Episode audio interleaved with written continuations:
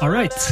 Jag sitter här idag med Paolo Sabra som är småbarnspappa, eh, gruppledare och oppositionsråd för Kristdemokraterna i Sundbyberg och driver tillsammans med sin fru kanalen Nåd och sanning på Youtube. Det stämmer. Välkommen. Tack, tack. Kul att vara här. Riktigt kul att vara här. Jag, jag har varit taggad på det här, eller riktigt kul att du är här menar jag. Eh, jag har varit taggad på det här samtalet ett tag. Jag har kollat in din kanal, Ja. Nåd och sanning. Men jag, jag började kolla på några videos och sen kände jag som, som när man typ eh, dejtar via Tinder Mm. och så har någon sin Instagram-profil. Så går man in där och kollar och sen när man väl träffas så vet man redan allt det där intressanta som man vill prata om. Just det.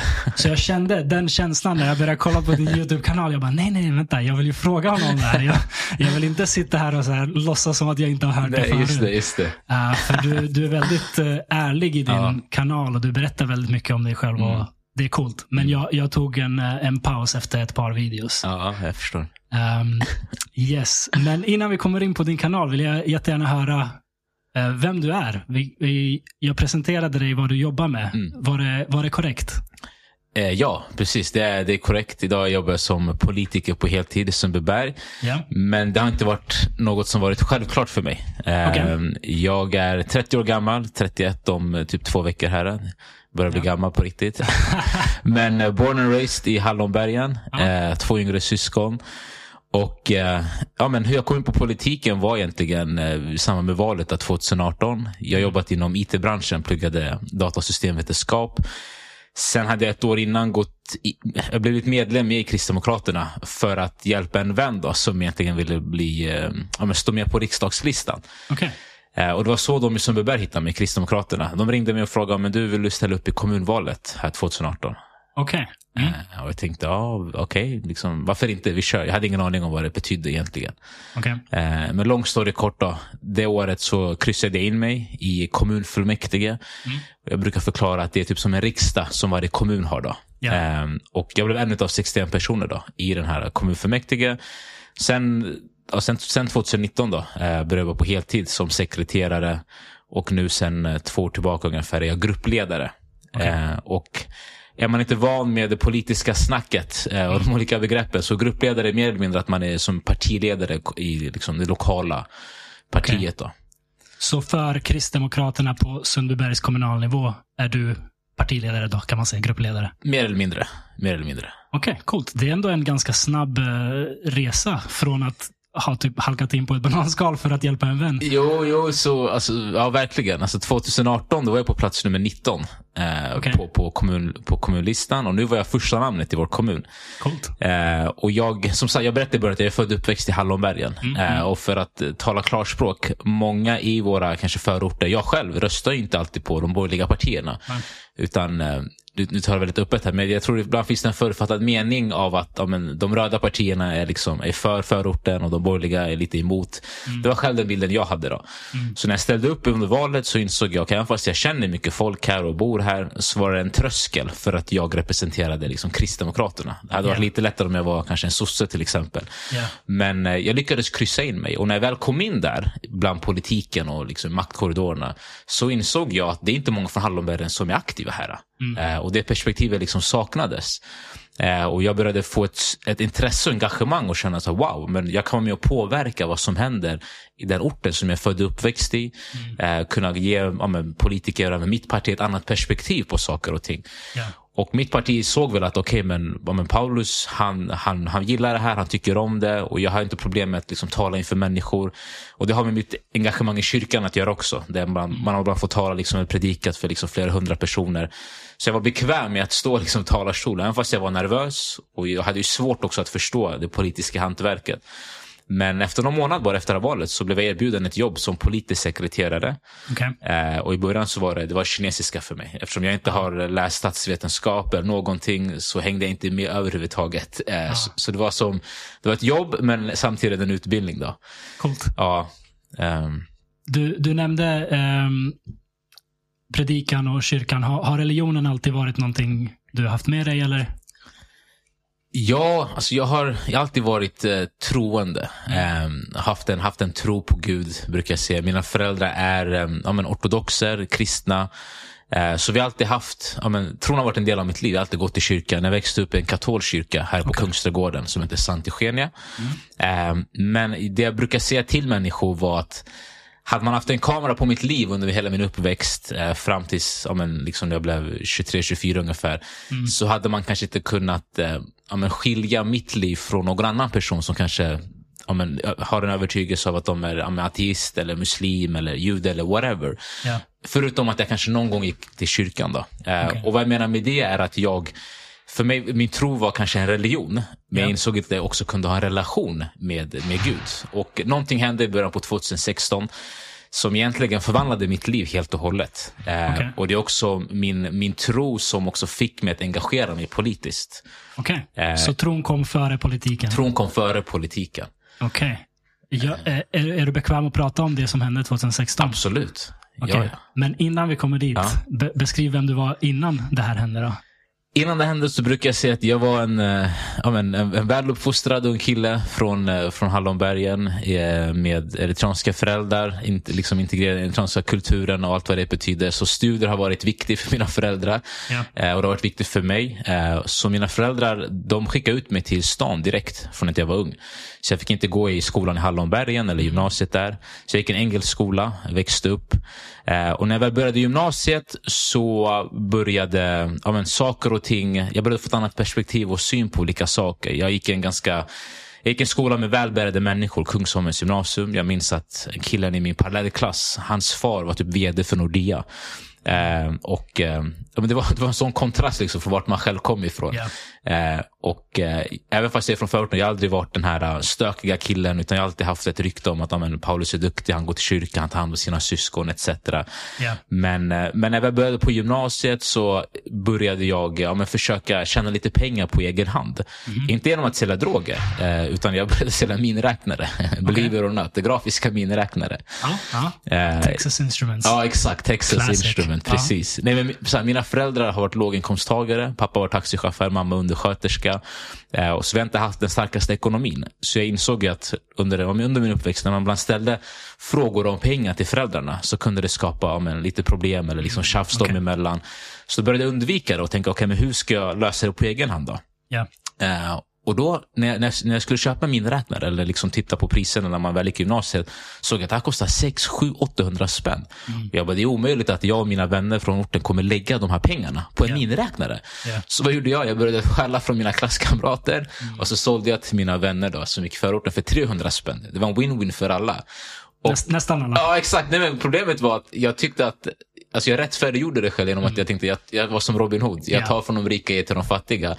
Och det som även liksom bekräftade min bild var att många av mina klasskamrater dagen efter hade nya minräknare. Och tänkte att de, men, deras föräldrar är säkert Ja, de har- miljonärer. de har och- råd. Ja, Ja. precis. Eh, och så på den banan så började jag stjäla ännu mer och liksom det blev lite, ja, men, lite grövre. Jag började stjäla kläder från butiker. Eh, jag började jag började leva ganska ska säga, ja, men, så orättfärdigt. Alltså saker och ting jag visste var fel gjorde jag ändå. För att Ja. det genererade pengar och det var ingen som liksom stoppade mig. Det fanns inga konsekvenser. Just så det. bara fortsatte man. Eh, och, men, men någonstans på den här vägen så, så, så hamnade jag i en, i en rättegång eh, på grund av att jag hade inte stulit, men jag hittade ett bankkort utanför en nattklubb eh, Okej. vid något tillfälle. Och Sen skulle vi vidare till en annan klubb då, och skulle använda det här kortet. Eh, och lång story kort, det var en tjejnamns namn på det här kortet. Och Hon i kassan förstod att det är någonting skumt. Vakten kom, polisen kom, Ja. eh, rättegången kom, tingsrätten. Jag blev chockad att det, ens, att det ens gick hela vägen till domstol. Ja. Eh, det är många man har vuxit upp med som har gjort värre grejer och du vet, som aldrig liksom har fått eh, några konsekvenser. Och här är ett kort som knappt liksom användes sen. Ja. Så jag blev, jag, blev, jag blev faktiskt friad i tingsrätten. Eh, men sen blev jag dömd i hovrätten och det är jag egentligen tacksam för så här i efterhand. För det var ändå rätt. Men utmaningen där var att nu stod det på mitt register att jag hade varit dömd för försök till bedrägeri. Okej. Och då pluggade jag samtidigt IT på Stockholms universitet. Ja. Och jag tänkte, vem ska anställa mig nu? Liksom ung, svart kille från förorten och så är dömt för försök till bedrägeri. Det låter som att jag försökte liksom råna Nordea eller någonting. Eh, så, så konsekvenserna kom ikapp mig. Eh, och, och där vid 2016 då, så då var det faktiskt en, en, min kusin till mig som bor i Rissne. Han hade haft ett förflutet, ganska mörkt förflutet. Eh, problem med droger, han hade själv sålt droger, varit självmordsbenägen. Mm. Men sen på nyårsafton så var jag hemma hos honom tillsammans med min flickvän. Eh, och sen mot kvällen då så tittade han på mig med ögonen, alltså rakt in i ögonen och säger Paulus, om jag dör idag så kommer jag till himlen. Okay. Och när han sa det, det var som att jag blev helljusad av en liksom lastbil mitt i mörkret. Ja. För att där och då så började jag jämföra mig med honom och säga, men liksom så här, Gud, jag bara, hur kan han med en sån övertygelse och sån Ja. självförtroende säga att om han dör idag att han kommer till himlen? Liksom, han har gjort si, så, så. Du vet, hans föräldrar har sagt till mig, Paulus, snälla ta hand om honom, ta hand om honom. Liksom. Eh, och, och, men jag minns att han hade en sån glädje, han, han hade sån frid som jag aldrig någonsin hade sett honom med. Mm. Och bara ett, liksom ett halvår innan hade han liksom varit ett djupt mörker. Ja. Så jag blev förvirrad, men jag började fråga mig själv, men vad händer om jag dör ikväll? Ja. Och, du vet, och där och då så jag, jag bara, jag kan inte, precis som min kusin, vara lika övertygad och säga att jag är på väg till himmelen. Nej. För jag vet vad jag har gjort. Även fast människor tror att jag har varit en duktig kille och fin liksom och allt det här. Du vet, det är som att man hade olika masker. Beroende på vem man var, vad man gjorde, så det var olika Ja. personer. Liksom. Eh, så den, den kvällen så fortsatte han och två andra vänner då, som ja, tydligen hade blivit frälsta. Och jag hade aldrig hört det här begreppet innan. Att Okej. de hade blivit frälsta och de pratade om Gud, de pratade om Jesus. Och du vet, jag, bara, jag hade aldrig hört unga killar från förorten tala så passionerat om Gud och Jesus. Och allt det de sa, du vet, det lät så bra. Och, vet, och jag bara, vad är det här för någonting? Jag, bara, jag har gått i kyrkan, jag, bara, jag har ett kors runt min hals. Jag, bara, men jag har aldrig hört det här, det de berättar. Liksom, att Ja. de är, jag älskar och allt det här. Men sen så sov jag hos min kusin. Uh, första januari 2016 så vaknade jag upp där hemma hos han och jag bara gråter. Jag gråter som ett litet barn och det är som att jag, jag ser allt det jag har gjort. Liksom. Ja, men hur jag har liksom bedragit och lurat människor och lurat ja, mina klasskamrater och ja, men, saker och ting som, som ehm, man har gjort mot ens föräldrar. Liksom. Man, har varit, ja, men, vet, man, har bara, man har levt en lögn kände jag. Även fast jag på pappret liksom, allt såg bra ut. Liksom, jag hade fått min, min examen, jag hade precis fått en fastanställning på Skatteverket. Vet. Allt såg bra ut liksom, på utsidan. Men Men, men djupt inne så förstod jag liksom att I'm the greatest sinner of them all. Liksom. Jag bara, Gud förlåt mig. Eh, och sen den dagen har jag faktiskt aldrig varit densamma. Alltså, nå- någonting hände på insidan. Och liksom, jag, jag fick en mening med mitt liv, ett syfte. Och jag bara, Gud, jag bara, har du älskat mig så här mycket? Jag bara, då måste jag älska människor runt omkring mig. Och från den stunden började jag se människor och inte träd. Liksom, att, liksom Jag började se alltså hjärtan. Jag började liksom umgås med, med tuggarna i centrum, om man får uttrycka det på det sättet. Innan var det så men jag vinkade liksom och gick hem, jag gick till jobbet. Ja. Men jag började umgås med jag bara, men de här är här av en anledning. Ja. Liksom, de, alla människor vill bara ha kärlek bekräftelse. Så här, vad, hur, vad har gått snett i deras liv? Vad har gjort att de har hamnat här? Så jag började hänga med dem liksom i garagen och liksom allt. Och jag, blev, jag blev nära vänner med de här killarna som man kanske bara liksom, ja, men hälsat på liksom i förbifarten. Där. Eh, och de blev ju själva så här, men du vet, vad gör du här? Typ, så här, "Va- va- varför är du med oss? Typ? Och du vet, Jag bara, men Gud har förvandlat mitt liv. Och jag bara, jag, har- han har älskat mig. Jag, bara, jag vill bara ge vidare det jag har fått. Okej. Eh, och ibland hängde jag kanske lite för mycket. Jag minns ibland när man lämnade garagen kunde man känna sig lite snurrig för att de, de rökte och sådär. Eh, men, men på den vägen är det. Eh, och ja, om vi ska in i politiken då, så var det något år sedan efter där man, jag, var, jag var i Colombia med min församling. Då. För jag började gå i en annan kyrka, en frikyrka inne i stan. Som hette Södermalmskyrkan, idag heter den We Are One Church. Och moderförsamlingen i Colombia, eh, huv, eller huvudpastorns fru, hon sitter i senaten där. Okej. Och hon pratar om vikten av att engagera sig politiskt, av att ja, men vill man att ens värderingar också ska liksom, ja, men, finnas i samhället, vill man, vill man göra en skillnad så behöver man också engagera sig politiskt. Det räcker inte som kristen, ja, men liksom bara be. Eh, och Jag var så här, okej, jag bara, wow. Det, det var då också gängkriminaliteten började öka, allt fler skjutningar i våra områden och man såg liksom unga människor, ja, men, det var brist på förebilder. Eh, och då, då, då, då, var just vid den här tidpunkten i början på 2018 som Kristdemokraterna i Sundbyberg själva hörde av sig till mig. Okej. Och då kände jag så här, ja, men gud, det här måste vara från dig. Och så, Ja. och så har jag bara gått liksom. Gud, vad intressant. ja, gått i tro som man brukar säga. Ja. Var det alltid givet att det skulle bli Kristdemokraterna? Nej, alltså jag, om jag ska vara ärlig, jag har aldrig varit politiskt intresserad. Alltså jag har varit samhällsintresserad. Men jag, jag är född 92, så jag fick för, rösta första gången 2010. Ja. Eh, och då röstade jag på Miljöpartiet. Och sen 2014 röstade jag på Socialdemokraterna.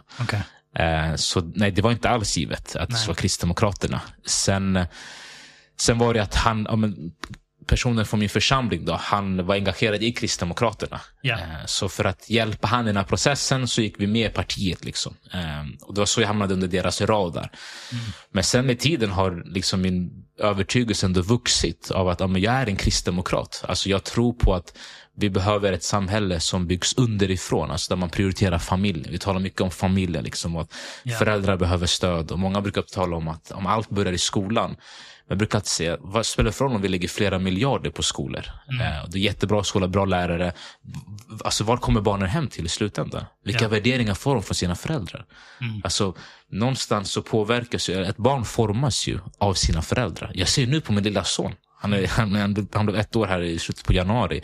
Och han gör exakt det jag och min mamma, eller det jag och min fru gör. Ja. Alltså det, det jag och hans mamma gör, det gör han. Du vet, om han, han vill dricka med liksom vårt glas som är liksom glas, han vill äta med våra knivar och gafflar. Ja. Han börjar sopa. Och du vet, och och vi behöver någonstans också lära honom vad som är rätt och vad som är fel. Du vet, allting börjar i hemmet. Och De brukar säga de fem första åren är absolut viktigaste. Så jag tror att man behöver ja, men stötta familjer, stötta föräldrar mer. Eh, och ja, men min övertygelse har vuxit. Liksom, att ja, men jag, är en, jag är en kristdemokrat. Ja. Intressant. Ehm, du nämnde att du växte upp i, i Hallonbergen och att du kanske inte såg på de här frågorna på samma sätt förut. Mm. Var, det, var det den stunden liksom som förändrade, förändrade hur du såg på familj, på allting, eller har det utvecklats med tiden? Det har utvecklats med tiden. Alltså jag tror att eh, när man eller ju äldre man blir så får man lite mer perspektiv. Alltså när, när, jag, när jag var yngre så var ju liksom mitt huvud mitt, mitt mål med livet det var att ja, men, bli rik, bli miljonär, köpa hus till mina föräldrar. Och liksom, De ska inte behöva slita längre. De ska inte behöva jobba. Ja. Eh, Men jag insåg sen att okay, men det är inte kanske först och främst pengarna som kommer få dem att bli tillfredsställda. Utan att kanske se deras barn lyckas, deras barn mår bra. Liksom Ja. ha goda relationer. Du vet, så de här mjuka värdena blir mer viktigare tror jag ju äldre man blir. Eh, och man känner, man förstår också vikten av relationer.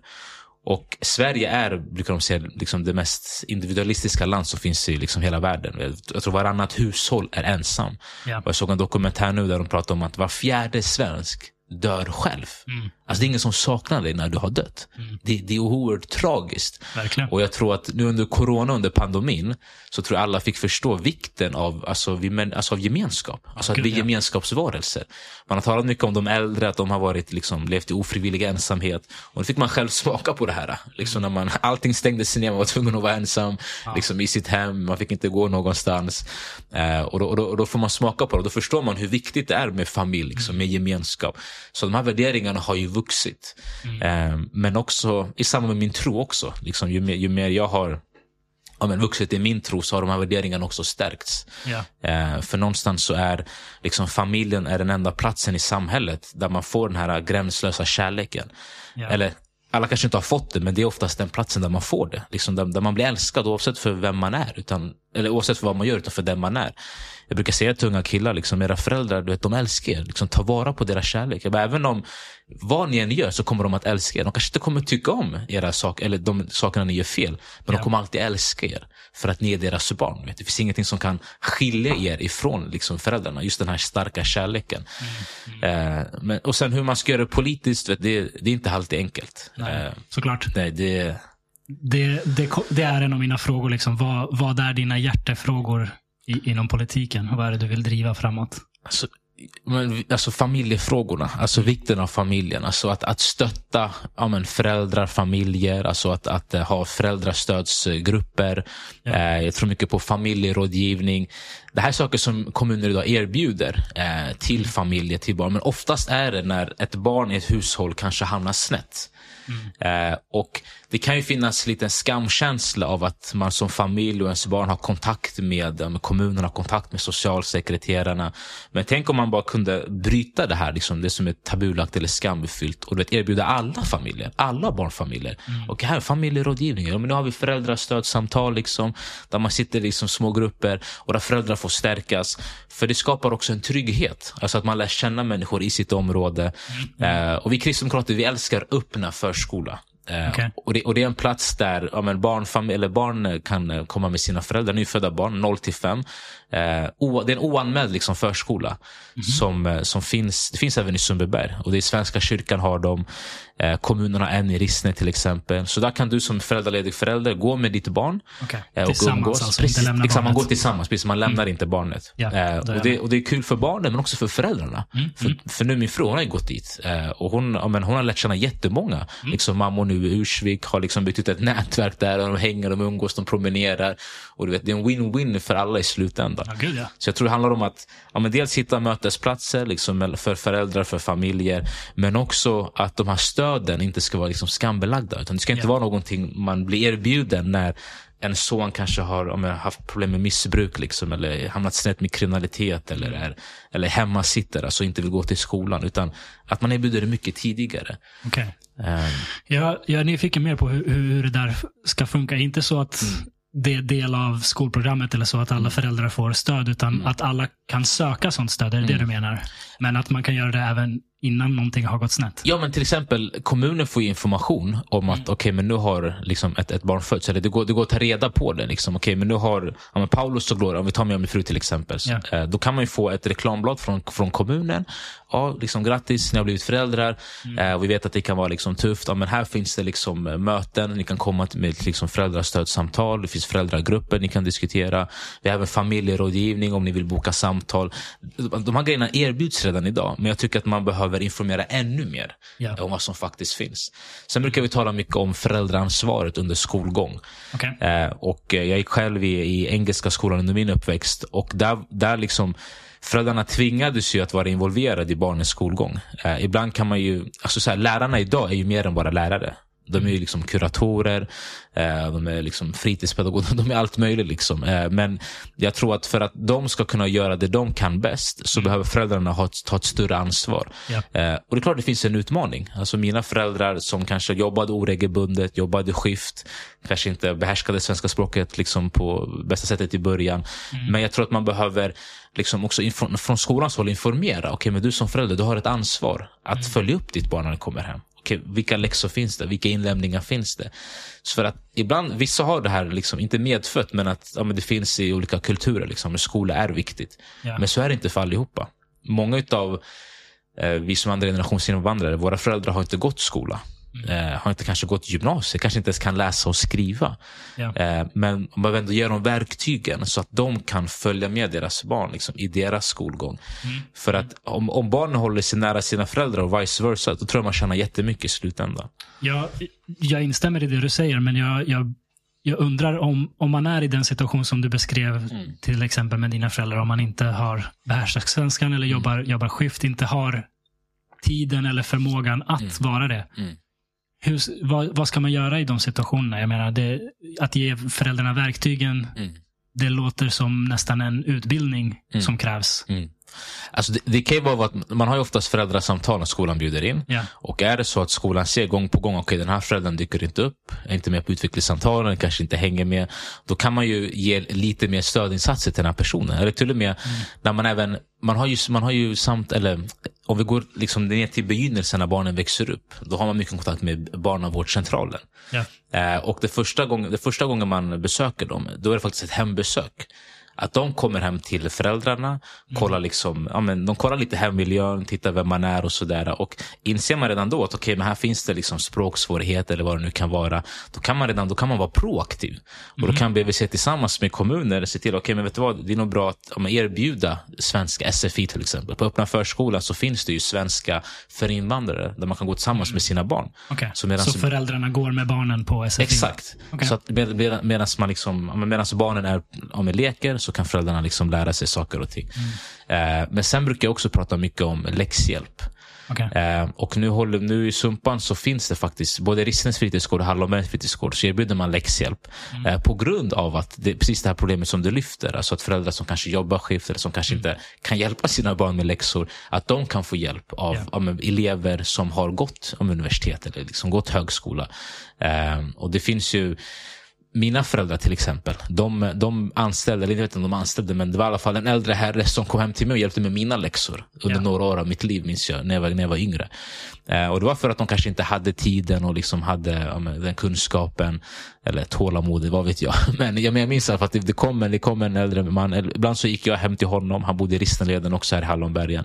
Vi fick sitta ner. Men, men och Det var ju för att för mina föräldrar, de kom också från ett hem, alltså av deras föräldrar i Eritrea, där studier var viktigt. Ja. Liksom, eh, så de förde över det de hade fått vidare. Mm. Och, det, och det är det som är, alltså, det, är, det är ganska enkel matematik. Det, du kan inte ge något du inte själv har fått. Så om du som förälder inte har fått ja, men, vikten av utbildning och kunskap från dina föräldrar, mm. du kommer inte kunna ge det till dina barn. Eh, även fast de är i Sverige och, liksom och får gratis utbildning och så, så kanske inte du förstår vikten av att de går faktiskt skola och studerar. Mm. Så det är ju, ja, det, det, finns ju det finns mycket att göra, men det, men det, men det jag tror inte att det kommer lösa alla problem, men jag tror att man behöver ändå förstå vikten av att stötta föräldrar eh, mer än vad man gör idag. Så om jag förstår det är det via, via skolor och eh, vad ska man säga, kom, kommunala myndigheter stöd till föräldrar. Det, det är det du Ja, exakt. Mer eller mindre. Sen ska man vara försiktig med att ge så skolor eh, extra, vet det, extra uppgifter. Men vi brukar prata om något som heter ett ansvarskontrakt. Mm. Eh, och där alla tre parter, alltså lärarna som representerar skolan, eleven och föräldrarna får skriva under ett papper. Ja. Eh, och det, det, det är inte juridiskt bindande, men det sätter ändå liksom en, en standard. Av ja. att okej, okay, du som lärare, det här är ditt ansvar. Du som elev, det här är ditt ansvar. Mm. Du som förälder, det här är ditt ansvar. Och då blir det på svart och vitt. Och då vet man, okej, okay, men okej, okay, det här är mitt ansvar, men då behöver jag dubbelkolla de här sakerna. Och ja. även som elev. Så att man inte förväntar sig, för ibland hör, hör man mycket i politiken om att allt börjar i skolan. Allt börjar i skolan.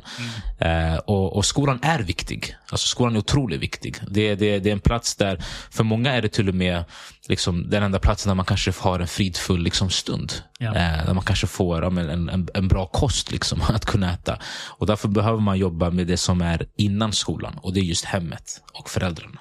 Okay. Väldigt intressant. Ja. Jag tycker Det där med öppna förskolan tycker jag mm. låter väldigt intressant. Mm. Jag, jag personligen är inte religiös. Jag kan säga att jag är uppfostrad ateistiskt. Mm. På senare år kanske blivit lite mer agnostiker. För jag mm. tycker det, ah, det, det är intressant att det, det, kan finnas någonting mer där ute. Mm. Men eh, religion har jag... Jag tycker religion är någonting väldigt vackert mm. på individnivå. Jag tycker att om, om som för dig, om, du liksom finner eh, kristendomen eller någon mm. annan finner islam och det läsa de heliga böckerna och att mm. leva på det sättet ger dem någonting värdefullt och gör dem till bättre människor. Underbart. Mm. 100% stöttar det. Uh, jag, har, jag, jag, har svårt för organiserad religion för att jag ser att det ofta blir maktspel. Mm. Och det handlar sällan, eller inte sällan, men ofta, ofta blir det så att folk använder religion som ett verktyg mm för att utöva makt över andra. Så mm. det, därav, därav mitt liksom motstånd till mm. organiserad religion. Mm. Men någonting jag tycker organiserad religion gör fantastiskt bra, mm. eh, som jag önskar samhället var bättre på, är mm. det här med community. Mm.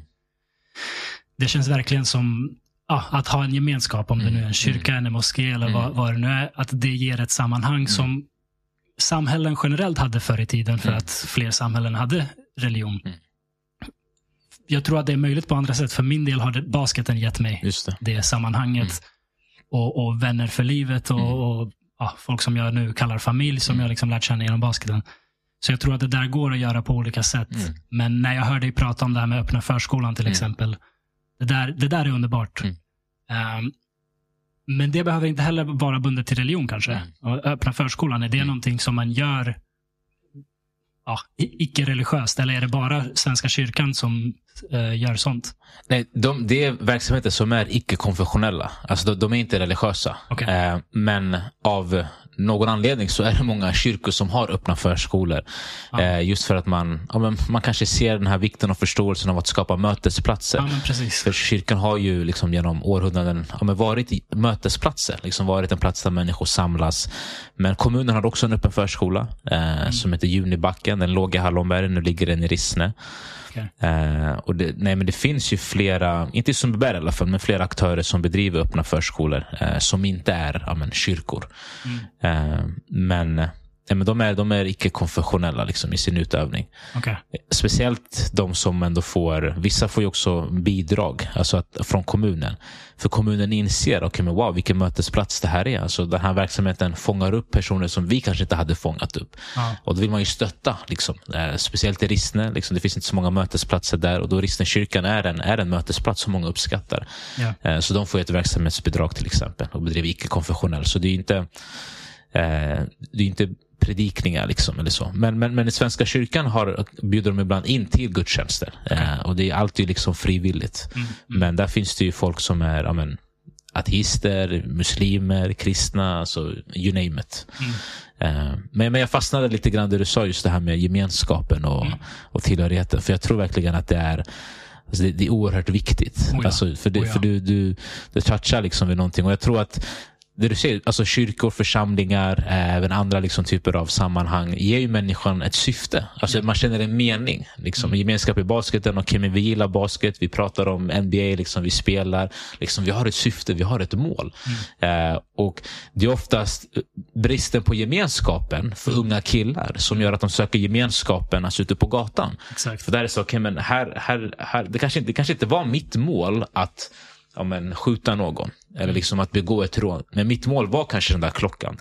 Eller var det där halsbandet som den äldre killen har. Liksom. Eller köra den där Audi RS6 eller vad det nu är. Ja. Och ibland så tar man an sig verktyg då som kanske inte är liksom, ja, men, de bästa. Eh, om, om jag ska liksom mildra mitt, mitt sätt att uttrycka mig.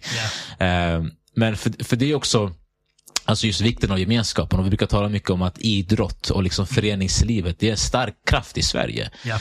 Eh, och ibland så tror jag att den här bristen, eller den här, det blir ännu viktigare i Sverige för att vi har så ett individualistiskt liksom, sätt att leva. Alltså efter jobbet, alla går hem och stänger in sig. Eh, jag menar, I andra delar av landet, eller andra delar av världen, där man, man är mycket mer social. Alltså, och det, det märker man, när man, speciellt där i Stockholm. Eller har du lämnat Stockholm för en stund? Du kan bara åka två timmar utanför. Kommer du tillbaka hit? Man, man, man känner av den här stressen. Liksom, att folk är alltid på väg någonstans. Folk är liksom uppe i sitt egna. Ja. Eh, och man, man liksom stänger sig. Och man blir liksom som ja, men ensamma liksom, själar och vargar. Som sagt, pandemin liksom verkligen ja, men bekräftar det här. Eller, eller, fick människor att inse just hur viktiga det är ja, med kollegor. Att det kanske inte är så lika nice att jobba fem dagar hemifrån. på det sättet, Utan man saknar den här liksom, gemenskapen. Eh, och det är så att församlingen har gett mig liksom, en gemenskap, precis som du säger. Alltså, det har gett mig ett syfte, gett mig en mening. Och, men det är som jag sa, man har alltid haft en mening, ett syfte. Men nu känner man så här, okej men att, alltså att leva för andra. Jag brukar säga att det är godare att ge än att själv få.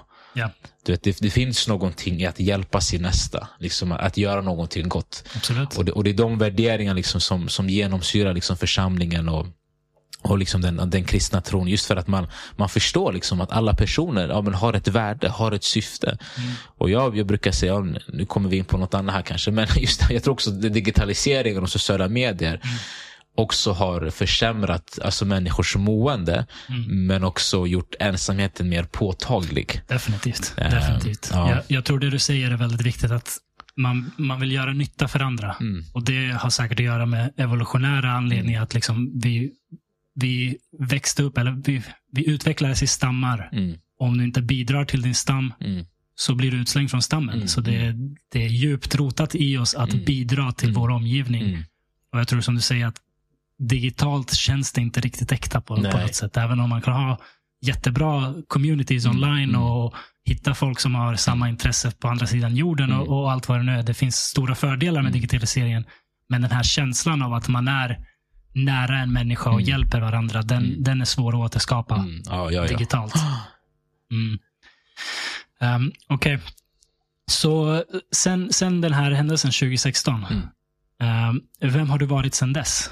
Vi pratade om vem du var innan. Vem, Ja, exakt. Vem har du varit sen dess? har varit sen dess. Nej, men jag har varit alltså, en person som um, om egentligen alltså, gett mitt liv till, till Gud alltså, och, och till Jesus. Och det, det låter främmande för, för, för, för dig eller för de som lyssnar som kanske inte ja, men är um, insatta liksom, i den kristna tron. Men att, men så att man brukar tala om att ja, men, alltså, ge upp sig själv. typ. Eh, inte att man förlorar sig själv, men att på något sätt så blir Guds dröm ens egna dröm. Ja. Och, och Guds dröm är att ja, men, liksom, varje människa liksom, ska, ska nå sitt syfte, liksom, ska nå sin fullbordan. Eh, ha, ha gemenskap med honom, liksom, få, få möta liksom, hans kärlek. Ja. Så tillbaka till de här killarna som brukade hänga i centrum. Alltså under hela min uppväxt så har jag vetat om, okej okay, men jag och dem, vi har inte så mycket gemensamt. Vi har växt upp i varandra och sådär. Men det var inte liksom mitt crew.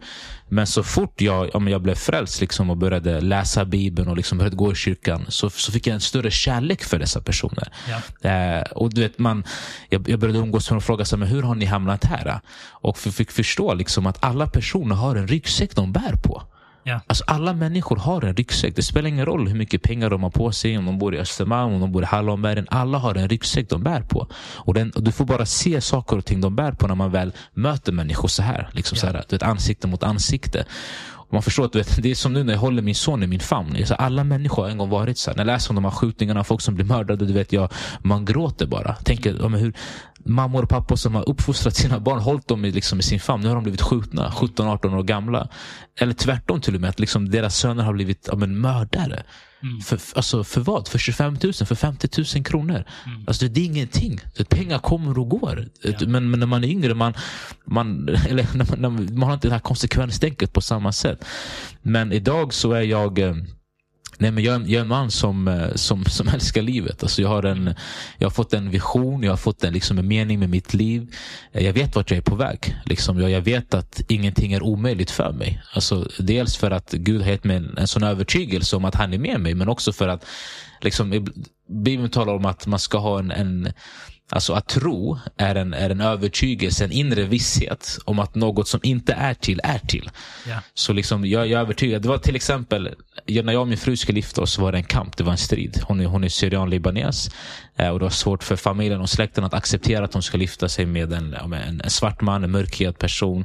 Eh, och i den här striden, i den här processen, alltså Gud var min tillflykt. Mm. Alltså, och, och, på vilket sätt då? Ja, men jag, jag grät inför honom. Alltså jag, jag, liksom, jag bad till Gud. Jag liksom fick finna tröst i Bibeln. Eh, som jag fick sen inse är ett kärleksbrev till mig. Innan trodde jag Bibeln liksom var en lagbok där det står att Paulus, det här får du göra, det här får du inte göra. Liksom. Men när jag började läsa Bibeln så var det som att den, den läste mig istället. Okay. Och bara Paulus, du har sår som du också bär på. Liksom, du behöver förlåta den här personen. Liksom. Och, och ju mer jag läste så insåg jag att vänta, de här som nu ja, men, hatar mig för min hudfärg, liksom, eller vad det nu är. Du vet, de, de kanske har sår som de bär på. Du vet, ta det inte personligt. För innan jag blev liksom, innan 2006, innan jag liksom blev frälst och tog emot Jesus, alltså någon n-ordet till mig. Alltså jag, jag, jag, jag rök. Alltså det var, någonting bara liksom triggade igång mig. Du vet, och, och liksom jag, jag såg svart. Men under den här processen så brukar jag säga till människor att hade, hade de sagt en ordet hade det varit som en komplimang i jämförelse med grejer som jag fick höra. Liksom. Eh, men trots det så kunde jag älska de här personerna. Och jag visste, jag var så här, Gud, jag bara, hur kan Paulus Abra älska de här personerna? Hur kan jag liksom krama dem när jag ser dem och inte känna någon hat, någon frustration när jag vet vad de har sagt? Inte till ja. mig kanske, utan genom min, min fru. Då. Yeah. Som då var min flickvän. Uh, och vet, när man får se sådana saker och ting, vet, man blir övertygad om att okay, Gud, du är med mig. Ingenting är omöjligt. Mm. Och vi, vår, vår, liksom, ja, men, vår, vår bön eller vår proklamation var att liksom, hennes, hennes familj, hennes föräldrar, släktingar, de ska vara med oss på bröllopet. Vi vill inte gifta oss utan deras liksom, yeah. alltså, approval. Uh, vi, vill, vi vill hedra dem för vilka de är. Mm. Visst, alla har brister. Alltså jag har också mina brister. Med mig. Vi, man, mm. Ibland tror man att man är perfekt. Eh, så, men liksom, för svar på din fråga, jag, jag lever liksom för att ge vidare det jag har fått. Och idag har jag också så mentorsgrupper, unga killar som kommer hem till mig. Vi har bibelstudiegrupper. Eh, och jag började själv en sån jag gick till kyrkan. Jag hade en kille i Fisksätra, Micke Sälam guldkille, världens ödmjukaste man. Och jag åkte, tänkte jag åkte från Hallonbergen till Fisksätra en gång i veckan yeah. liksom, efter jobbet på onsdagar. Eh, och det är en lång väg att åka dit. Ibland var det snöstormar och du vet, du ska ta den här Saltsjöbanan från Slussen. Yeah, Men jag yeah. visste, när jag, när jag går hem från Sälam, jag har, jag, jag, jag har med mig gulder och skatter, liksom, diamanter okay. för mitt liv.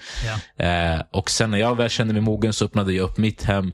Och nu har vi fortsatt, jag och min fru. Eh, där vi möter liksom 12 män och 12 kvinnor varje vecka. Mm -hmm. och det var precis som Jesus gjorde. Han hade tolv lärjungar. Yeah. Han hade ingen sociala medier, han hade ingen Instagram, Facebook. Utan han var så här, okej, okay, det jag har över mitt liv, jag ska ge till de här tolv personerna.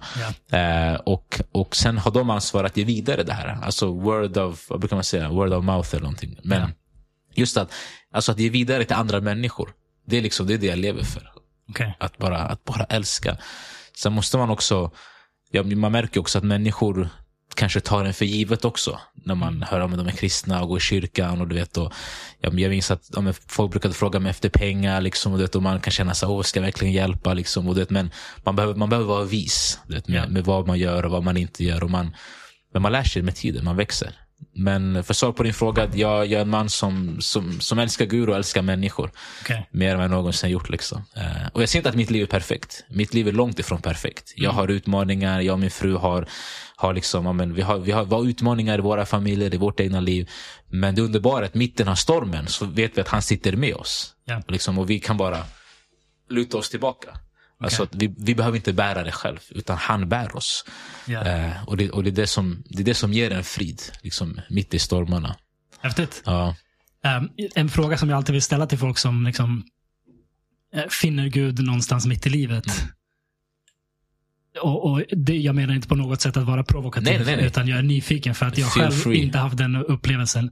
Att om man, en sak om man haft det från födseln, att man har Mm. liksom fått det, men, men om man någonstans hittar det Mm. eh, när man är, vad det nu var, 28, Mm. ja. däromkring.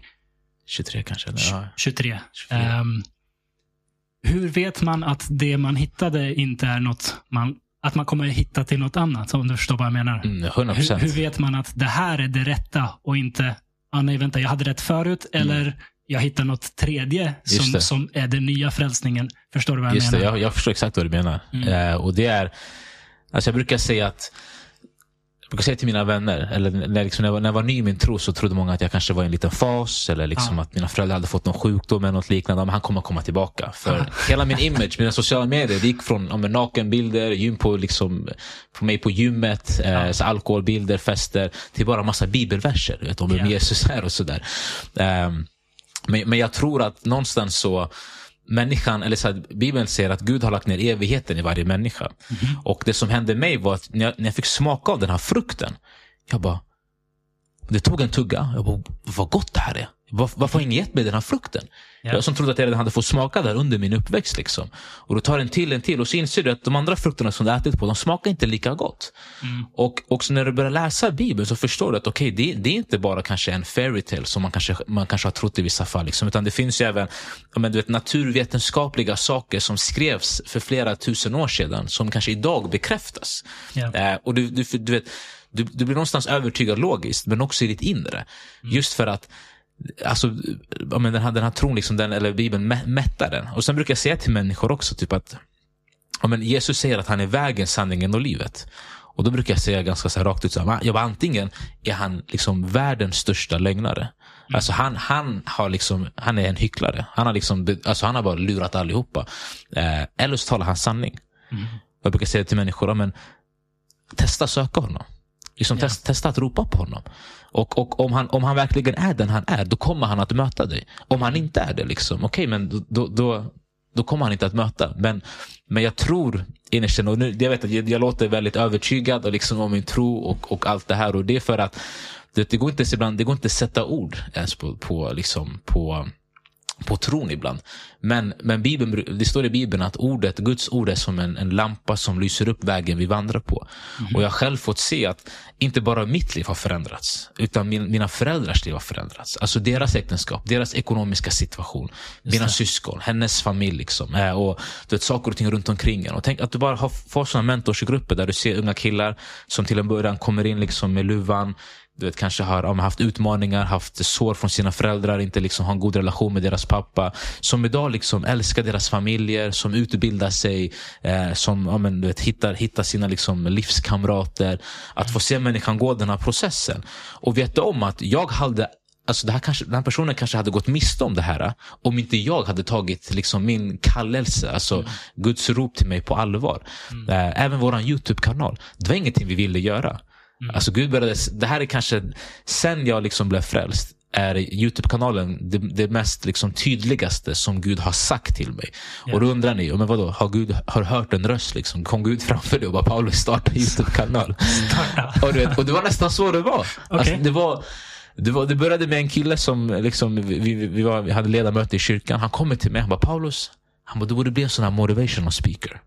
Från ingenstans. Jag bara, va? Vadå motivational speaker? Bara, vad är det för någonting? Så går jag till mitt jobb. Och en kollega till mig, hon lyssnar på sin telefon. Jag bara, vad är det du lyssnar på? Hon bara, jag lyssnar på motivational speakers. Så jag bara, bara, okej. Okay.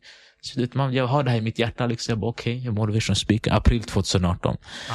Det går någon månad. Det var en varm sommar. Så jag jobbade på sommaren då. Jag tog en promenad i stan. På lunchrasten. Mm. Sen går jag förbi en butik. Kollar lite in. Och jag bara, Oj, det var en gammal bekant till mig som jobbade där inne. Mm. Så vi går in, vi pratar lite grann. Han bara, bror låt oss ta en lunch. Jag bara, okej. Okay. Vi äter lunch veckan efter. Sitter och pratar och ser att mig från ingenstans. Han bara, Paulus, han bara, du borde bli en sån här föreläsare. så jag bara, så jag bara, okej, okay, okej. Okay.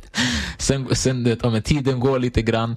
Eh, och, och medan jag läser Guds ord, medan jag läser Bibeln, du vet, så det, ja. då, då, då, finns det en vers i Johannes evangeliet kapitel 1 där det står att Jesus var full av nåd och sanning. Och när jag läste de ordet, det var som att de bara hoppade ut ur boken. Okay.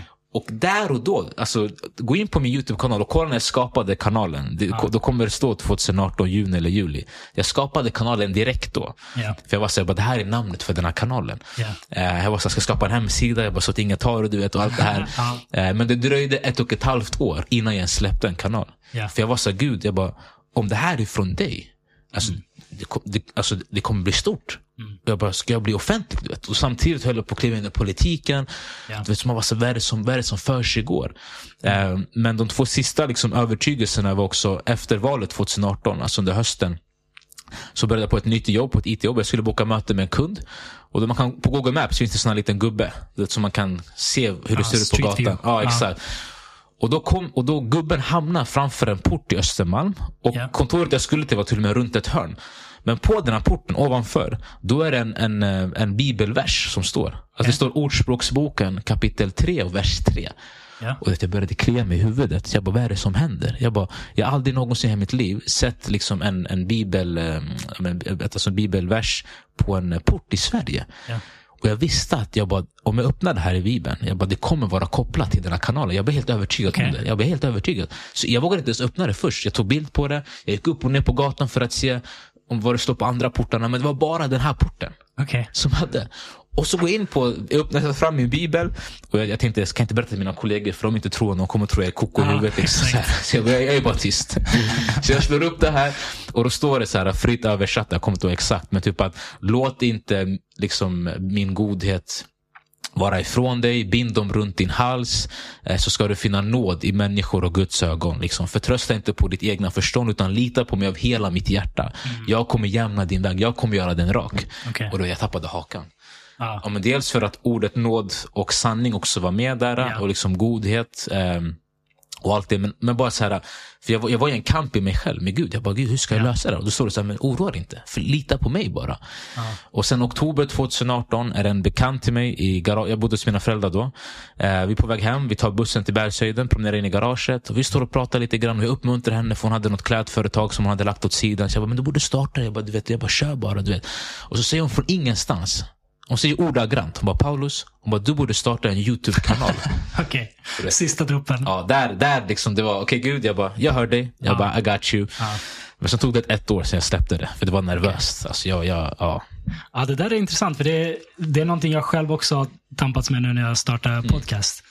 Jag har inte varit en offentlig person förut. Och, eh, jag har skrivit lite offentligt, men det är en mm. helt annan sak. Mm. Men att sitta här och prata offentligt, det, det, jag vet inte riktigt vad vad det betyder. Nej. Jag vet inte om det kommer betyda något. Jag kanske kommer det. ångra att jag startar det här ja. om, om det blir för stort. Liksom. Um, din, eh, er kanal har ju blivit ganska stor. Mm. Uh, hur, hur, har det utvecklats för dig? Har det, du, du, var ju inte en offentlig person innan, men nu är dina, din, din historia, din, e, dina erfarenheter offentliga. Mm. Hur, hur har det påverkat ditt liv? Alltså det har ju var, vi, hade vår YouTube-kanal på svenska i början. Jag, jag gjorde först egna videos som motivational speaker. Eh, sen gjorde jag tillsammans med min fru och, eh, och det var fler som kollade på den. Det nästan, det var, det var den, Just det, när hon var med. Ja, exakt. Jag bara oj. Okej, folk tycker om att lyssna på oss två istället för bara för mig. Ja. Eh, och jag bara, okej, okay, det är klart. Det är roligt att titta, lyssna på två personer. Så då började vi göra det tillsammans. Sen efter något år eh, gjorde vi på engelska. Ja. Och då bara exploderade vår kanal. Mm. Eh, för det var som att Youtubes algoritmer förstod att okay, men den här på engelska, då visar vi den till fler personer. Låt oss se vem som klickar. Och innan det här hade vi även släppt en trailer från vår bröllopsvideo. Eh, och den liksom pushade vår kanal utåt eh, och nådde egentligen den eritreanska diasporan på, på Youtube. Ja. För när man kollar på vår Youtube-kanal så ser man så här, ja, men de som har tittat på sanning har tittat på liksom, de här kanalerna och då är det bara så här eritreanska så här, ja. videos på tigringa liksom allt möjligt. Så, och det här blev påtagligt för att vart vi än gick, eritreanska föräldrar, eritreanska ungdomar började stoppa oss. Så Hej, nu får Nådags sanning. Föräldrar som man har liksom, ja, men, vars barn man sett så här, "Bara, vi såg det på Youtube, fortsätt, fortsätt, vad duktiga ni är. Liksom. Folk som skriver från USA, typ så här, ah, så här, kommenterar, du vet. det blev diskussioner på vår kanal. Jag bara, Vad är det som försiggår? Du vet? Vi, vi hängde inte med, du vet. det gick så fort. Eh, så vi, vi, vi bara liksom matade på. Och jag minns första typ ett, och, eller ett åren, kanske 13-14 månaderna, då hade vi fått 700-800 prenumeranter. Och sen från februari där 2021 typ till april, alltså vi fick, det blev 2000, 3000, 4000, 5000 och idag, häromdagen så gick vi över 12 000 prenumeranter. Eh, och, jag, och jag märkte också att det handlar ju mycket om att alltså, ha, eh, heter det? Att allt, alltså, Kontinuitet. Kontinuitet, that's Ja. the word. För när vår son föddes sen för något år sedan här, så har vi inte haft lika bra kontinuitet. Mm. Vårt mål är att släppa en gång varannan vecka. Men jag tror vi släppte kanske sju videos förra året. Då. Eh, så, så livet händer ju också. Men, men det är så kul när man får höra hur man har påverkat människor. För det trodde jag inte. Eller var, jag visste inte om det här. Men nu vet jag varför Gud liksom ville övertyga mig om att det här är hans plan. För att han har påverkat så många människor. Alltså, Folk har kommit till, ja, till kyrkor, fått deras liv förvandlade genom det här. Min, min, vår församling har även en församling i Göteborg, i Malmö, i Södertälje och i Gotland. Ja. Eh, och då har liksom folk som har lyssnat på det här i Göteborg hört så, okay, wow, men de här Paulus och Gloria går till Wow Church. Okej, men jag, jag kanske ska börja vara i Göteborg. Liksom. Och så börjar de där och liksom, ja, men du vet, får, får ett syfte och mening med livet liksom, och må bättre och du vet, får komma igenom, ja, men bli befriade från psykisk ohälsa etc. Liksom, you name it. Så man, så man märker att hur, vad Gud har gjort genom den här kanalen. Eh, och man, man blir ödmjuk utav det. Eh, och precis som du säger, vi är ju ganska öppna. Alltså, vi är ärliga med våran, liksom, våran tro, med våra liv. Liksom, och, och många av våra värderingar och det vi säger, det är inte politiskt korrekt. Alltså det är inte... Det är ganska osvenskt. alltså att vara, att, att vara liksom, vad ska jag säga, bibeltrogna Ja, kristna. re- religion är ganska osvensk kan Ja, exakt. Allmänt. Det, det, Ja. är så. Vi, vi, det är ett sekulärt land. liksom. Eh, men, eh, I alla fall den typen av religion. Sen ja exakt. exakt. Ny, nymodiga religioner som är Exakt. lite mer svenska. Kan man säga. Exakt. Nej, men det har, alltså, det, har, det har bara varit gott. Alltså, så. Okej. Eh. Ja, det är det jag skulle fråga. Har det bara Ja. varit positivt eller har det varit några utmaningar med att växa så stort? Nej, alltså jag, eftersom att vi inte har, alla 12 000 är inte svenskar. Eh, så vi, vi är ju inte, eftersom vi talar på engelska så når vi en bredare publik. Jag tror kanske 25-30 procent tror jag är svenskar. Ja. Eh, alltså genomsnitt, liksom våra viewers. då. Eh, men eh, nej, det har, varit, alltså det, har, det, har, det, det har varit kul, men det tar mycket tid också. Det tar mycket tid liksom att, att redigera och Ja. man vill även att kommentera. Och I början kunde man ju svara på kommentarer. Vi fick typ fyra kommentarer, tre kommentarer. Ja. Sen blev det 40. Och du vet, vissa videos har vi så här 300 kommentarer. Ja, det går inte Så att hänga det, med. det är helt omöjligt. Ja. Eh, och, men, så man, man var ju chockad också. Men man förstår ju också hur kraftfullt alltså, sociala medier är. Mm. Hur många man kan nå ut till. Verkligen. Alltså, vi har ju över eh, jag kollar, kanske över en, en och en halv miljoner visningar sen vi startade. Alltså, tror jag ungefär. Ja. Ja, det, det är knäppt. Det är som man, ja. Det är knäppt. Det, det, är en, det går inte att jämföra med någonting Nej. tidigare i historien. Nej. Att vem som helst kan starta en kanal Mm. och nå potentiellt nå miljarder människor. Exakt. Liksom. Det är Exakt. helt galet. Verkligen. Ja. Ehm, du, du nämnde när du ehm, ehm, när du började ändra vad du postade på sociala medier och så. Att, att folk, dina vänner tänkte att det var en fas och så vidare. Ehm, var, det, var folk generellt stöttande eller fanns det folk som tyckte liksom, vad, vad håller du på med? Slu- Sluta upp med det här, kom tillbaka. Alltså, det fanns väl tror jag både och. Ja. Ehm, och eftersom att min förvandling var verkligen svartvit. Ja. Det var liksom över en dag. Alltså, Ja. du vet, min, min flickvän kände inte ens igen mig på hur jag smsade, hur jag pratade. Eh, för att tala klarspråk, alltså jag, Ja. jag vill inte längre ha samlag. Ja. Alltså jag, jag, bara, nej, jag, bara, jag vill vänta tills jag gifter mig. Är det samma flickvän som nu är din, exakt, som, som jag är gift med idag. Precis. Eh, för att hon valde sen att hoppa på det här tåget också. För någonstans så kanske hon, hon insåg typ att okej, men om jag inte hoppar på det här tåget kanske jag förlorar liksom min, min, Okej, min pojkvän. intressant. Hon trodde i början liksom att jag hade hittat någon annan tjej eller någonting. Vet. Men, och vad liksom den här guden, vad, vad, vad, vad, liksom, vad håller han Ja. på att göra? Eh, nej men så det var, Alltså, eftersom, att, eftersom att det var så liksom radikalt eh, liksom, så tror jag det, det blev som en chock. Och du vet, jag, eh, till en början så var jag också lite så här religiös brukar man säga. Alltså att man, man pekade finger åt människor och bara så här, bror varför lyssnar du på honom för? Varför lyssnar du på den här musiken? Varför kollar du på den just där det. filmen? Liksom? Det borde du inte göra. Du så, du försöka konvertera folk. Är du med mig? Ja. Och du vet, och, och jag, men det var, det var mer för att jag kände att jag hittat, jag hittat en raketaktie. Alltså den här går bara Just det. spik Just rakt det. Mm. uppåt. Alltså investera i den. Jag bara, Du kommer gå plus bro. Liksom. Så här, du, du, du kommer känna något du inte har känt tidigare. Du vet. Och när folk hittar någon sån här aktie eller vad man nu ska ta för jämförelse. Alla vill ju bara ge den till allihopa. Du vet. Och man känner, men jag försöker hjälpa det här. Men mitt sätt att hjälpa gjorde bara att människor drog sig undan. Liksom. För Ja. att det var som att, ja, men, jag kom lite överifrån liksom. Eh, och man har liksom en översittande attityd eller vad det var. Så jag började inse, vänta, men, men jag, alltså, mitt liv måste tala högre. Mm. Kan inte gå runt och peka på folk. Och jag bara, okej, men hur var det Gud mötte mig? Kom han och pekade på mitt liv? Liksom, sluta dricka, gör det här, gör inte det här, gör inte det här. Nej. Utan han sa, Paulus, jag älskar dig. Mm. Paulus, jag har en plan för dig. Precis som jag, har, liksom, precis som jag älskar Märon så älskar jag dig också. Oavsett vad du har gjort så älskar jag dig. Jag förlåter dig. Mm. Och jag började inse, jag bara, okej, men jag, jag behöver älska mina bröder. Ja. Jag behöver älska mina vänner, älska mina syskon, älska mina familjemedlemmar. Så i början var jag, jag bjöd ju alla till kyrkan hela tiden. Skickade ut så här mass-sms. Har ni hört de goda nyheterna? Liksom? Det är påsk, Jesus är död, han är uppstånden. Liksom. Halleluja! Du vet, va? Jag var helt så du vet, ja, men crazy. Liksom. Eh, och, och jag insåg att liksom, ja, men, folk började kanske ducka mig mer eller mindre. Ja. Jag, jag hade ju själv gjort det. Så vad, är det här för, vad är det här för vet.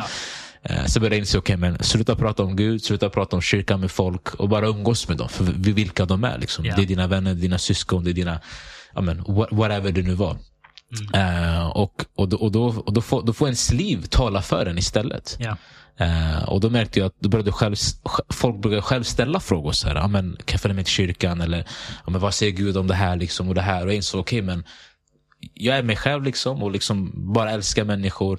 Eh, och sen får liksom folk själva, om de vill, lyfta upp det. Mm.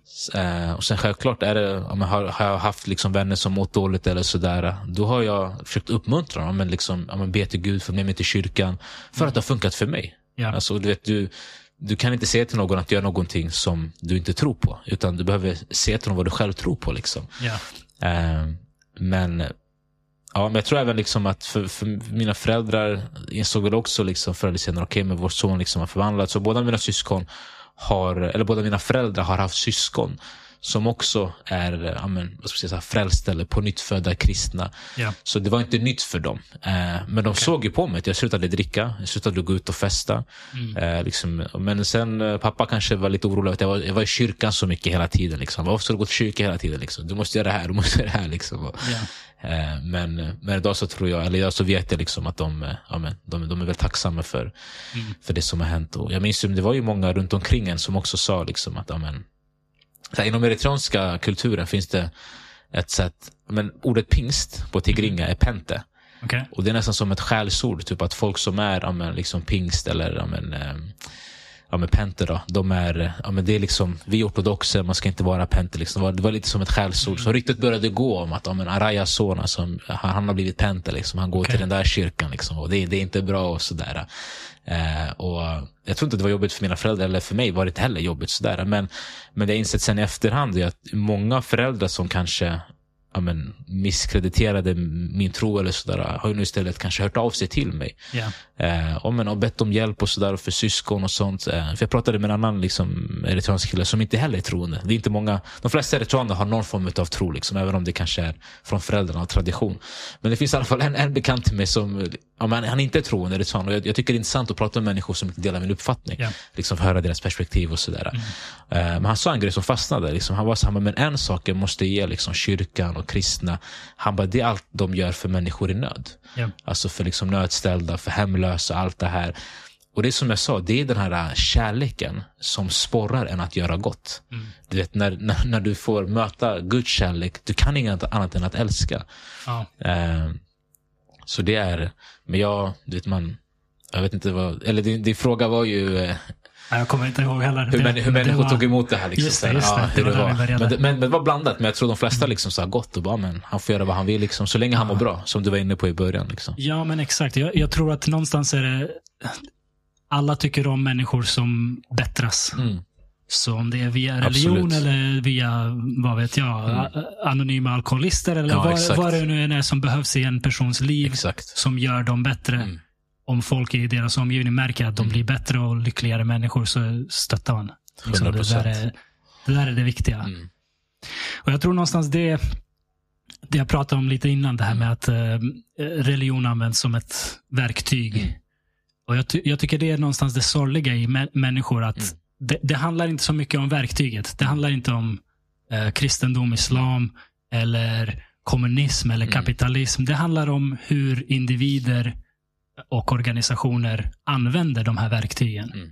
Eh, och det är ju sånt som ger alla de här religionerna eller ideologierna Mm. ett dåligt rykte när folk använder det här verktyget Mm. för att ja, utöva makt eller, eller liksom skada människor. Ehm, och Det tycker jag är väldigt synd att liksom, religion har använts i den bemärkelsen väldigt mycket i historien. Mm. Ja, oh ja. Ehm, för det, det finns mycket gott att hämta där Mm. om man använder det på, på rätt sätt. Mm. Du nämnde lite om Eritrea. Du, har, har du starka rötter dit? Åker du dit och, och så? Eller? Jag har varit där fem, sex gånger tror jag. Eh, sist var 2016 då. Mm. Eh, Jag förstår att det, det har varit väldigt problematiskt de senaste åren.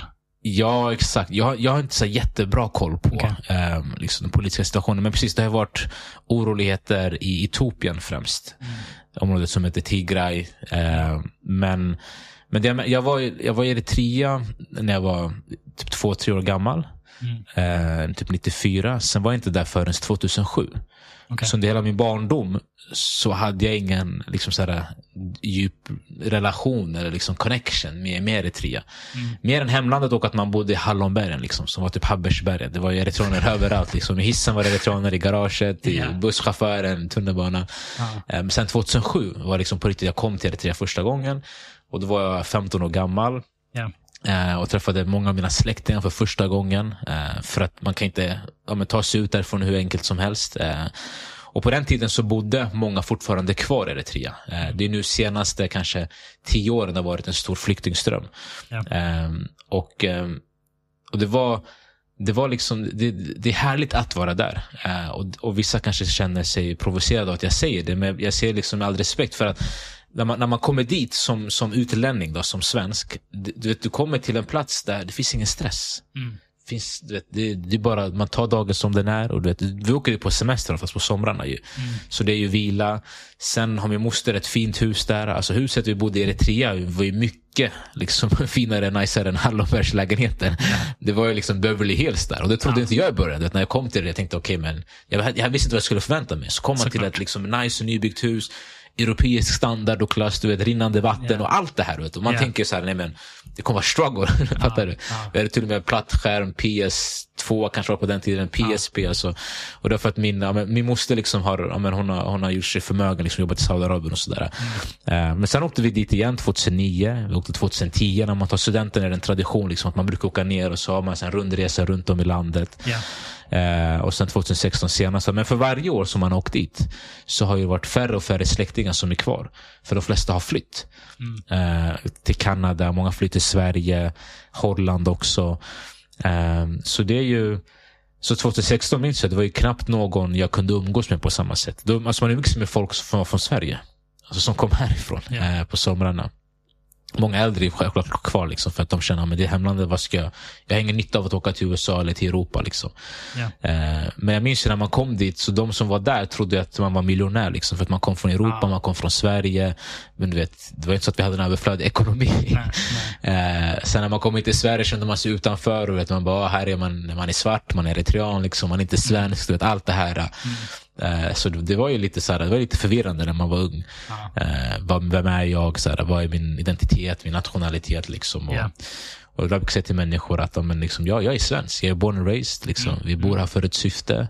Eh, men jag har eritreanska rötter, liksom, självklart. Är det någonting som du kände var jobbigt under uppväxten? Det här mellanförskapet som det ibland kallas. Att vara från ett annat land, se ut som att man är från ett annat land, men ja, fö- född och uppväxt i Sverige. Ja, alltså, och lite grann även för att jag aldrig gick i en skola i förorten. Just det. Eh, Engelska skolan det var ändå ganska liksom, multikulturellt.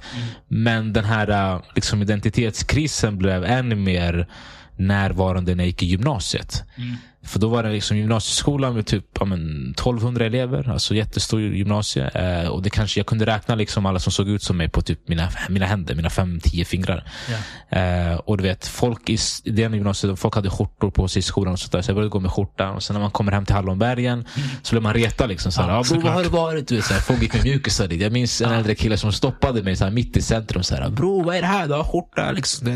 Du vet, så man, och så, vem är jag? Jag försöker blända in mig vid skolan. Men du vet, de i orten började tycka att jag är lite för svensk.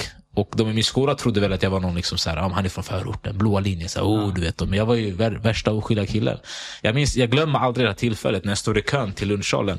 Och en kille framför mig, han typ råkade komma åt mig med sin armbåge. Okej. Eh, och han vände sig och han bara, så här, förlåt, förlåt, förlåt. Vet. Så jag bara, ta det lugnt. Jag bara, vad har jag gjort? Eller så här, du har inte gjort någonting. Du vet, så här, försiktigt tänkte jag. Jag bara, men det är okej. Och i mitt huvud tänkte jag så här, vad, vad trodde han? Trodde han att jag skulle slå sönder eller någonting? Vet, bara för att jag, jag men, kanske är svart och det kommer från förorten eller sådär. Så jag insåg att människor trodde alltså mer eller värre om mig än vad jag verkligen var. Eh, I alla fall de som inte gick i min klass. De som gick i min klass visste vem jag var. Liksom. Den Ja. skojiga typen. vet, Allt det här. Nej, men så det var en ident- identitetskris. Alltså, självklart. Eh, Tror du sånt kan bidra till att man har lättare till att bli frälst, till att hitta religion? Nja, alltså. När, när, jag, när jag väl liksom blev, blev frälst tog emot Jesus så var inte det liksom en kris i mitt liv på det sättet. Nej. Eh, utan det var ju Det var ju mer att man Alltså jag insåg den kvällen att Min vän Märon, alltså jag bara, han, jag bara Gud måste ha förvandlat hans liv. Alltså, du vet, det, var, det, var hans, det var hans förvandling. Alltså från, jag kunde innan se mörkret i hans ögon. Ja. Och nu såg jag ljuset. Och du vet, han satt där. Du vet, det fanns ingen alkohol, det fanns inga droger, det fanns ingenting hemma hos honom. Och det var på nyårsafton som jag kom dit. Ja. Och bara när jag klev in dit, i början tänkte jag så här, men det är någonting som inte stämmer här. Eh, och du vet, när han liksom pratade och vet, de pratade om Gud och Jesus, att han älskar mig, att han har en plan för mig. och liksom, man, man kan lägga händerna på sjuka och be för folk. Du vet, jag bara, vad säger de här killarna för någonting? Liksom. Och nu när man läser Bibeln, det var det Jesus gjorde ju. Det. Liksom, det, det är det som står i Bibeln. Jag läste ju aldrig Bibeln utanför kyrkan, utan det var bara någon präst eller pastor som läste det. Men när jag sen blev frälst började jag själv läsa Bibeln och lära känna Jesus på riktigt och ha en relation med honom. Eh, Men för att svara på din fråga, det var inte, jag hade ingen så identitetskris om, liksom, om jag är svensk eller eritrean, utan det var mer liksom så här, men vem är den här guden de pratar om? Så jag, Ja. jag vill lära känna honom. Du vet, för någon, det var som det blev som ett stick i mitt hjärta. Alltså någonting hände. Och det var som att när de pratade så fick jag smaka på den här frukten. Och jag, jag vill ha mer av det de pratar om. Ja. Men sen var det när jag vaknade upp och liksom bara grät att liksom någonting hände på insidan. Det går inte att förklara. Alltså det, ja, det var övernaturligt. Intressant. Mm. Ehm, behöver du kanske röra dig? Jag, Strax ska på ett möte om Jag hade- 45 minuter. jag hade, he- he- hela början till att du och jag pratar var att jag stötte på dig på gymmet en gång. Och Just det. Efter att du hade berättat att du jobbar inom lokalpolitiken Just så, det. så eh, ha- har jag haft en, en idé jag velat bolla. Har, har du 5-10 Ja, minuter till? självklart. Men självklart. perfekt. Shoot. Eh, Jag har länge tänkt på en idé som, ehm, som skulle kunna eh, hjälpa ett demokratiskt samhälle. Mm. Ehm, jag, jag tror starkt på demokrati och jag tror starkt på att den behöver man, man behöver jobba för att bevara en demokrati. Mm. Det är inte något som kommer och, och består av Nej. sig självt, utan det består tack vare att folk gör saker för att få den att bestå. Just det. Eh, Så jag har länge haft en idé om något som man skulle kunna kalla för eh, demokratilumpen eller någonting sånt. Dem- Demokratitjänstgöring. Okej. Ehm, och om jag tar långt framåt vision eh, eh, idén först, sen, sen lite på mer Aha. eh, kommunal nivå hur man kan komma dit. Så tänker jag att man skulle kunna ha, ha ett, eh, en institution där alla, säg 21-åringar eh, bjuds in till en eh, period på en, ett par månader, kanske en sommar, eh, att göra den här då, demokratitjänstgöringen. Och då tänker jag att precis som med lumpen så får alla som fyller 21 i året Mm. eh, en kallelse. Sen måste man inte Nej, det. vara delaktig, men i framtiden efter några generationer kanske det här blir en sån här grej som, som konfirmation. Alla i Sverige konfirmerar sig även om Just man inte bryr sig. Det, det bara blir en institution. Ehm, där man första, säg två, tre veckorna får se en rejäl utbildning i hur funkar s- demokrati i Sverige. Mm. hur funkar det på riksdagsnivå? Hur funkar det på, på regional nivå? Hur funkar det på kommunal nivå? Mm. Um, allt partier och motioner och så vidare. Mm. och så vidare. Man får en redig utbildning. Och sen sista två, tre veckorna så får man faktiska frågor som regeringen och riksdagen jobbar med på riktigt. Mm. Som de här då 21-åringarna får diskutera emellan sig Mm. och komma med förslag för hur man vill ta det här framåt. Mm. Sen kan folk som är mycket bättre på pedagogik än jag bestämma hur man gör om man delar in dem i grupper och, och, och hur, ja, hur man lägger, lägger upp det hela. Ehm, och Sen tar de vid slutet av den här kursen fram sina förslag och presenterar sina förslag.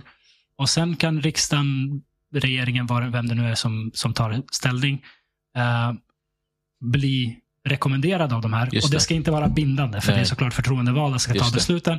Det. Men det är ändå ett sätt att få hela landets 21-åringars åsikt. Mm. Och då kan det speciellt vara frågor som är relevanta för kommande generationer eller liksom ungdomar. Mm. Um, så att det på ett sätt skapar dels den här gemenskapen vi har pratat om som, Mm. som kyrkan erbjuder. Dels en förståelse för och förhoppningsvis respekt för demokratin. Mm. Och en, ett, ett smakprov. Att se att så här funkar det och jag har faktiskt inflytande. Jag har faktiskt potential att vara, påverka mitt samhälle. Mm. Så att fler ungdomar kanske tänker att men politik kanske är någonting för mig. Mm. Ehm, så en sån sak, en sån vision har jag länge funderat på. Att skapa någon sorts lumpen för demokrati. Mm. Ehm, ja, svensk demokrati helt enkelt. Och det är den stora visionen. Att göra det på, på nationell nivå. Men man kan göra det här på kommunal nivå. eh, som testprov med, med liksom 30-40 ungdomar i Sundbyberg. Som då ger till kommunalrådet sin rekommendation och så vidare. Och sen kan det växa om flera kommuner testar det och det funkar bra så går det till regional nivå och sen nationell nivå. Mm. Vad, vad tror du om den idén? Jag tycker det låter otroligt spännande. Alltså, för jag tror mycket på alltså att öka kunskapen Mm. om vilken makt politiker faktiskt har. Ja. Eh, Det var någonting jag blev otroligt alltså, förvånad över när jag blev kommunpolitiker. Alltså hur mycket makt kommunpolitiker har. Alltså de styr över vart det ska byggas, hur mycket pengar skolan ska ha, förskolan, cykel. Men vi som bor här i Stockholm, vi har ju bara mycket om riksdagen och tror att de bestämmer allt. Liksom. Ja. Men, men det är kommunpolitiker som bestämmer allt. Och det, är bara, det är bara 4 procent av alla kommunpolitiker som är heltidspolitiker. Ja. 96 procent är på fritid. Så jag tror, hade, hade man själv fått ta del av det här, då tror jag att ännu fler hade känt sig inspirerade till att kunna alltså börja engagera sig. För man sänker ju tröskeln. Exakt. Exakt. För vad händer när du säger idag om politik? Alltså folk som inte, det finns vissa ungdomar som älskar politik, som pluggar statsvetenskap och allt det här. Men för liksom en regular alltså 21-åring, när du säger politik, du vet, vad är det de ser framför sig? Ja, men kanske- Statsministern. Ja, men statsministern, Ja. någon, någon äldre liksom medelålders liksom man eller kvinna eh, som de kanske inte själva kan eh, om, identifiera sig med. Eller de känner att politik, ah, det är så långt borta. Du vet, det är lögnare, liksom, det är allt det här. Och, och jag, jag berättar bara, det här, eller det här var vad jag liksom såg förut i alla fall. Men när jag klev in sen så insåg jag, jag minns mitt första möte Kristdemokraterna i Sundbyberg. Då hade vi Balder som kom, som har köpt hallonbär under centrum. Och han visade liksom, så här kommer hallonbären att se ut. Och då satt en, en kollega till mig i Kristdemokraterna och hon bara, ah, men glöm inte den här fotbollsplanen. Och han jo, han bara, absolut, absolut. Jag bara, va? Jag bara, är det, är det så här mycket makt politiker har? ja. Jag bara, här ska de liksom utveckla Hallonberg centrum och han frågar liksom polit... Du vet, jag hade inte förstått allting. Och du vet, det var där polletten föll ner. Jag bara, det är politiken som styr allt. vet, de bestämmer allt. Och jag bara, om en 21-åring visste om det här, då hade man engagerat sig. Exakt. Du vet, för annars blir det enkelt att bara, ah, poli ja, men politiken de bryr sig inte om oss. Du vet, det är mycket den här... Framförallt i orten. Ja, jag brukar kalla det för så här, vet du, offer, offerjacka. Liksom, Ja. där. Ja, men du vet, ja, men vi, men vi offrar allt det. Men jag bara, nej, du kan engagera dig broder. Du, kan, du, vet, och du, och du behöver inte bli statsminister, du behöver inte bli riksdagsledamot. Du kan vara en kommunpolitiker. Sitt i någon nämnd, börja gå på något möte. Men jag tror man hade sänkt tröskeln oerhört genom det här. Sen finns det självklart massa frågor liksom, kring hur det ska finansieras liksom, och allt det här. Såklart. Hur många 21-åringar hade varit villiga, men man kan alltid liksom erbjuda det. Och liksom, ja. Jag tycker absolut att det är intressant. Eh, och det, det finns ju såna skolor brukar ju jobba mycket med sånt. Eh, speciellt liksom högstadie, gymnasium, även mellanstadiet. Jag minns ju själv, liksom, när jag gick i mellanstadiet, då fick jag något arbete om Maud Olofsson och Centerpartiet. Och man fick Ja. liksom åka till valstugorna liksom, och allt det här. Men det du pratar om det är lite mer intensivare. Liksom, där man Mm. kanske får mer ja, men, redogörelse. Och, Mm. och det är klart, om man skulle lyckas få det så att det riksdagsledamöter, regering tror jag blir svårt, men i alla fall riksdagsledamöter liksom ändå får se och höra någon. Ja. Det, det, blir, ja, men det blir en bekräftelse också. Mm. Och man känner så här, wow, liksom, ja, men de här blev inspirerade av mig. Så här, vem är jag? Ung kille, liksom. Ja. Ja. Jag är 21 år gammal. Så jag tror att det ligger något i det du... Alltså, och det handlar all, än en gång om att stärka ungdomar. Att Ja. liksom lyfta deras blick. Och, och stärka kärleken för landet, för 100%. sitt samhälle, sitt närområde 100% och för alltså. det demokratiska system som liksom styr landet. Det här, det här är någonting, jag kommer från före detta Jugoslavien. Mm. Och under kommunisttiden där, mi, mina föräldrar berättade när de växte upp att Mm. man hade någonting liknande. Man hade liksom aktioner som var till för att ja, men, stärka ungdomars kärlek till landet. Just det, just det. Men det här var ju en liksom Ja, totalitär diktatur. Ja. Ehm, jag, jag ser ingen anledning varför man inte kan skapa Mm. det positiva Mm, från det mm. på ett demokratiskt sätt. Inspireras i alla fall. Ja. Det, det finns någonting vackert i att älska sitt land och att 100%. vilja förbättra sitt samhälle. Exakt. Det behöver inte vara en diktatur för att Nej, det ska vara så. Liksom. Men jag inte. jag tror det du säger är otroligt viktigt, just det här med att älska sitt land, älska Mm. sitt område. Mm. För jag tror att det kan vara en bristvara i våra förorter. Man kanske Ja, älskar ja, sin absolut. ort, men man Mm. älskar inte Sverige, liksom, man känner sig utanför. Mm. Men om man förstår att man kan vara med och påverka sitt område, Exakt. Stockholms län liksom, och Sverige, då, Då kommer, då kommer göra en det. kärlek också. Mm. Alltså, jag menar, ju mer jag har jobbat med Sundbyberg, desto större har mitt hjärta blivit. Liksom. Mm. Och eftersom att jag är född och uppväxt i det här, det, för mig det är inget jobb. Ja. Det, det här är så här, att, ja, men, jag gör det här för att liksom, jag, vill, jag vill det bästa. Ja. Liksom oavsett vilken politik och parti som liksom genomför det. Jag uppmuntrar människor att engagera sig politiskt, spelar vilket parti. Men Ja. vi behöver fler engagerade, fler unga. Mm. Fler personer liksom med en annan bakgrund. Och det är oerhört viktigt. Men det var superintressant. Vi får, Ja. vi får prata mer om det, 100 Vi, procent. får, vi får ta det vidare. Ja, jag, ja. jag vet att du måste springa. Jag tackar Ja, så mycket för, för tiden du har gett mig. Tack själv, tack Ehm, själv. Om folk vill hitta din kanal eller det du gör i politiken, var, var vill du skicka folk? Ja, jag har tagit lite paus faktiskt från Instagram. Okej. Eh, Just för att vi pratade om det i början av den här eh, sändningen. Ju, att man kanske inte alltid mår så bra. Men det, var, det var bara stress och liksom allt det här. Eh, Så jag har tagit lite paus. Men man kan ändå nå mig där. Jag tror jag, tror jag, jag har typ glömt bort vad jag heter där. Men du, Paulus Abraham med två eller tre A i slutet. Eh, men annars kan man mejla mig. paulus.abraha.kristdemokraterna.se Paulus Abraha, ett Facebook. Det är ja, svart man på bilden med en, med syriansk kvinna bröllopskläder. Eller Nåd och sanning på Youtube också. Kommentera, mejla. All right. Vill man hitta mig så går det. Jag eh, lägger in länkar i, i poddavsnittet Ja, också. nice. Stort tack, Nice. Paulus. Tack själv, tack för inbjudan. Tack för att du var Du med. ska ha ett stor, stor applåd också för ditt engagemang. Och för Ah, att du skapar tack den här mycket. plattformen. Uppskattas. uppskattas. Eh, tack så mycket och tack till dig som har lyssnat. Vi hörs nästa gång. Ha det fint.